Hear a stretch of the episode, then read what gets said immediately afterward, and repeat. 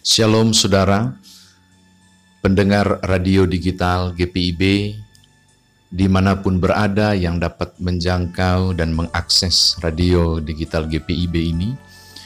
Pada kesempatan ini, saya Pendeta I. Nyoman Jepun dari GPIB Jemaat Piniel Palembang, rindu berbagi firman Tuhan dan merenungkannya, saudara bisa membuka Alkitab sekarang dari Keluaran pasal 13.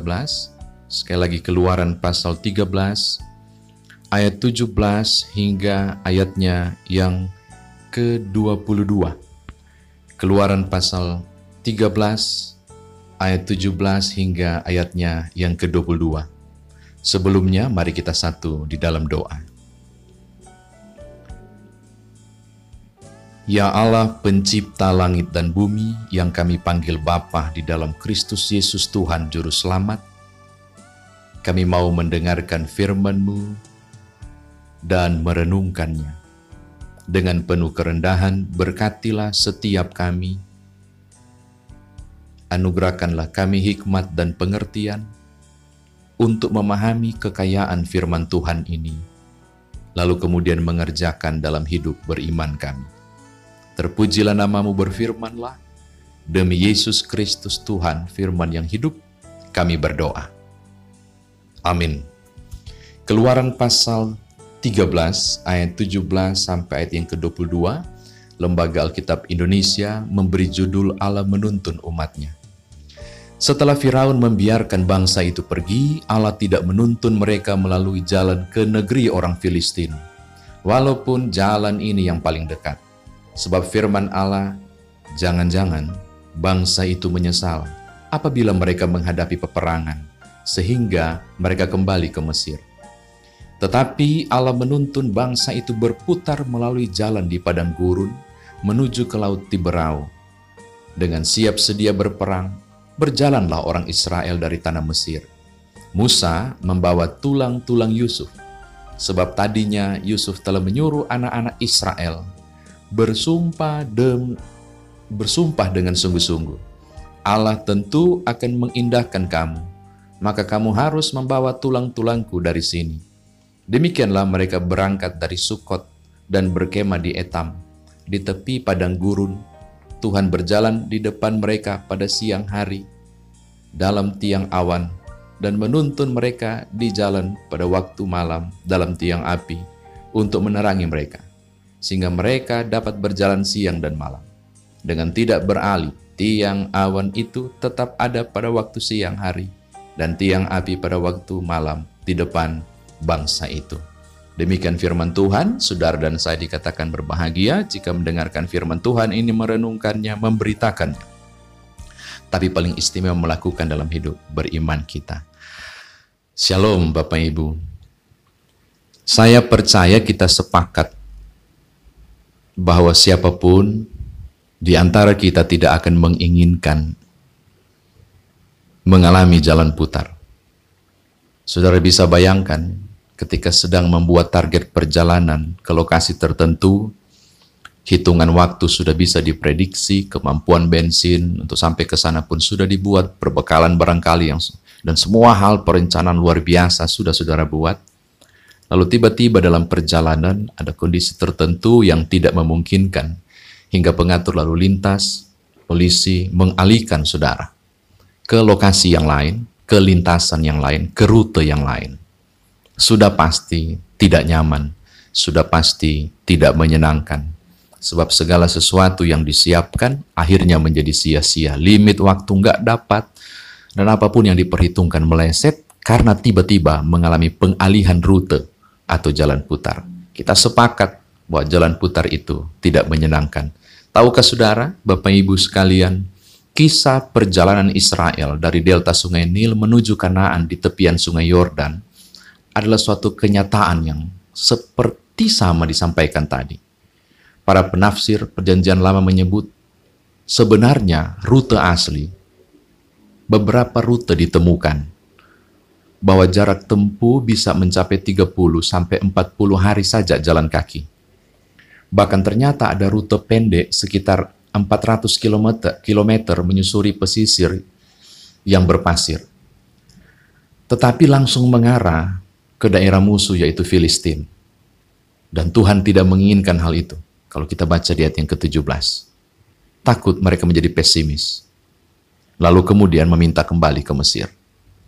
Ada juga ternyata ditemukan rute melintasi bagian tengah semenanjung Sinai berupa plato yang sangat luas dan berkerikil. Tapi juga berbatu, kap, berbatu kapur yang sangat luas, panas. Tapi rute ini juga tergolong rute yang pendek. Kenyataannya, ketika saudara membaca teks Alkitab tadi, mereka justru melalui jalan melingkar. Musa memimpin bangsa ini ke arah selatan menyusuri dataran sisiran yang sempit, pesisir yang sempit, tepatnya dibuat dengan sengaja berputar oleh Tuhan melalui tuntunan Musa lewat tiang awan dan tiang api sebagai kompas. Silahkan bayangkan, tiang awan dan tiang api siang dan malam, di waktu siang dan malam itu menjadi kompas. Berapa lama putaran itu? 40 minggu? Bukan. 40 bulan juga bukan. Rupanya rute itu dilalui 40 tahun lamanya. Saudara bisa bayangkan, ternyata ada jarak pendek 30 sampai 40 hari. Tapi justru mereka harus melalui rute yang begitu panjang dan melingkar berputar-putar selama 40 tahun. Pertanyaannya, mengapa 40 tahun? Jika kita merujuk bilangan 14 ayat 33 sampai 34, Bapak Ibu ternyata ini persoalan karena dosa dan kesalahan. Mereka sudah dua tahun mengikuti rute berputar.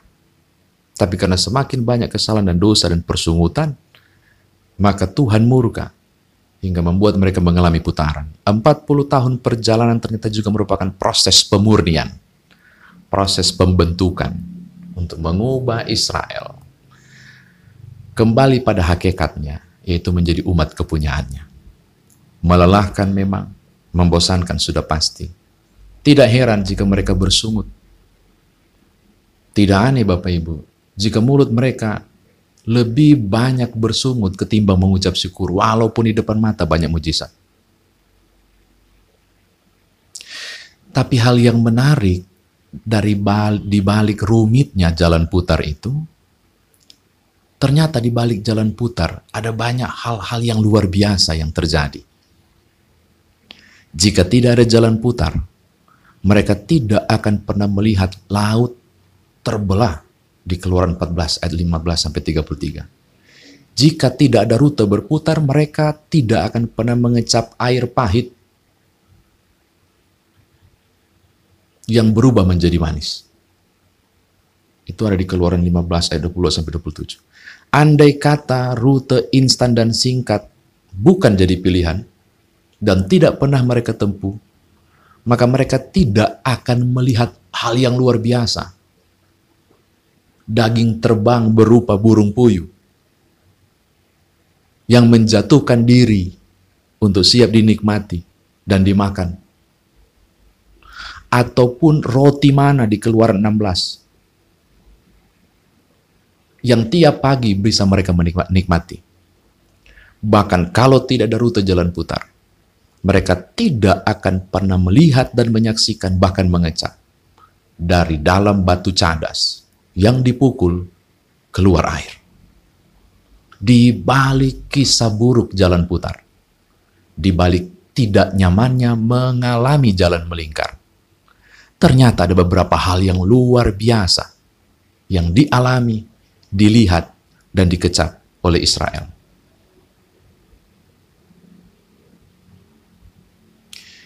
Pendengar radio digital GPIB, Bapak Ibu yang dikasih oleh Tuhan. Jika tidak ada jalan putar, Israel tidak akan mengalami rute penuh keajaiban. Di mana Tuhan ketika mereka susah? Di mana Tuhan ketika terik harus dihadapi 40 tahun padang gurun? Saya tertarik melihat keluaran 13 ayat 22 yang tadi kita baca.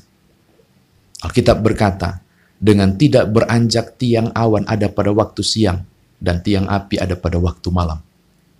Di mana Tuhan di saat Israel sedang tidak nyaman. Di mana Tuhan ketika Israel harus mengikuti lingkaran putaran yang tak ada ujungnya itu selama 40 tahun. Ternyata Allah turut berputar. Turut merasakan penderitaan mereka. Turut hadir di tiap hal yang tidak nyaman yang mereka alami. Tuhan datang. Tuhan ikut berputar melalui tiang awan dan tiang api. Tuhan ikut merasakan derita itu. Maka kita bisa menyimpulkan hal yang penting. Bahwa di balik jalan putar itu, ada hal-hal yang penuh keajaiban sebagai bukti penyertaan Tuhan. Tapi juga di balik jalan putar itu, Israel tidak pernah berjalan sendiri. Ada penyertaan Tuhan yang selalu menyertai. Hari ini pun bahkan beberapa minggu menjelang saya kira dunia sedang mengalami jalan putar. Indonesia sedang mengalami jalan putar. Bapak, Ibu, saya, dan saudara juga sedang menjalani jalan putar. Ada banyak target yang sedang saudara buat, saya yakin, di dua pekan terakhir ini ataupun di hari-hari yang sedang berjalan saat ini. Tapi semua rencana-rencana yang matang ini harus terputar. Ada rute yang tidak harus ditempuh, tapi tapi harus ditempuh ada kondisi perputaran yang tidak nyaman yang sedang saudara dan saya, Indonesia dan kita semua dunia sedang hadapi. Kondisi pandemi COVID-19 membuat jalan lurus dengan target-target ideal kini buyar karena putaran yang tidak menyenangkan. Bekerja di rumah, bersekolah di rumah, kegiatan ibadah pun dilangsungkan di rumah. Dari hal-hal yang gembira dan senang sedang dipikirkan, kita menerima banyak berita duka. Putaran demi putaran kita hadapi. Sanak famili dan saudara bahkan sahabat yang dekat dengan kita saat ini sedang mengalami isolasi. Oleh karena sakit, beberapa terbaring lemah. Mungkin saudara yang sedang mendengar radio ini pun ada pada posisi ini. Ya, Bapak, Ibu, dan saya sedang mengalami jalan putar itu. Tapi hari ini berita baik firman Tuhan saya mau sampaikan kepada saudara. Seburuk apa pun putaran yang engkau dan aku harus jalani. Dan seberat apa pun rute itu harus ditempuh. Firman Tuhan mau bilang, tiang awan dan tiang api tidak pernah beranjak di waktu siang dan di waktu malam. Tuhan ada di tiap putaran itu Tuhan ada di duka saudara, di kesendirian isolasi saat saudara sedang dirawat, di berita-berita yang sangat memilukan saudara-saudara kita yang sakit, di sibuknya mereka para garda depan para medis yang saat ini sedang menangani pasien di berbagai rumah sakit. Di tiap putaran itu saya mau pastikan kepada saudara berdasarkan firman Tuhan. Allah ada setia, dia ada menyertai, dia mengikuti saudara dalam pendampingan, untuk tidak membiarkan saudara sendiri. Akhir renungan yang saya mau ajak Bapak Ibu. Suatu saat, saudara akan melihat tentang bagaimana perbuatan-perbuatan ajaib Tuhan di balik putaran-putaran itu. Sebagaimana Israel mengalami hal yang tidak menyenangkan, namun menemukan perbuatan-perbuatan ajaib dari Tuhan saya mau tutup renungan ini untuk mengajak Bapak Ibu. Siapa pun saudara yang sedang mengalami putaran yang tidak menyenangkan. Saya mau katakan, selamat berputar. Tapi jangan berputar sendiri. Selamat menjalani hal yang tidak menyenangkan barangkali. Tapi jangan menapaki sendiri. Tuhan mendampingi saudara. Tuhan menyertai saudara. Maka di balik kelabu warna pekat perjalanan yang tak menyenangkan itu. Saya percaya engkau akan melihat hal-hal baik dari tanda kehadiran Tuhan di sana. Tuhan memberkati saudara. Haleluya. Amin. Mari berdoa. Bapa kami bersyukur untuk firman Tuhan yang menguatkan ini. Kami memuliakan Engkau karena di balik tiap putaran, dalam hidup yang tidak menyenangkan, termasuk di kondisi pandemi COVID-19, selalu ada Tuhan di sana. Karena itu, hamba berdoa bersama semua orang yang mendengarkan dan menjangkau radio digital GPIB ini. Kami mau bawa saudara-saudara kami yang saat ini sedang berduka. Kami menyerahkan mereka yang sedang sakit, mereka yang sedang kes mengalami kesendirian terisolasi kami berdoa untuk orang-orang yang dengan sigap memberi waktu dan tenaga, para tenaga medis di pihak rumah sakit. Kami berdoa untuk orang-orang yang bekerja di belakang layar di kondisi yang tak mudah ini, para donatur, mereka yang memberi waktu dan tenaga dan kemampuan. Mereka-mereka semua, termasuk para pemerintah, dan setiap orang yang saat ini pun sedang berada di rumah, demi suatu perjuangan memutuskan rantai penyeluasan dan penyebaran virus ini. Hamba berdoa, Biarlah setiap kami diberkati dengan kekuatan dan kesehatan. Tuhan hiburkan yang berduka. Tambah-tambahkan iman dan kekuatan percaya mereka yang sedang menunggu hasil dan sedang terbaring sakit membutuhkan pemulihan. Supaya di tiap warna kehidupan dan jenis apa pun putaran yang sedang kami alami saat ini. Tiap-tiap kami boleh merasakan kami tidak pernah ditinggalkan sendiri karena engkau bersama dengan kami. Terima kasih Bapa terpujilah namamu. Ini doa kami. Demi Tuhan Yesus Juru Selamat kami berdoa. Amin.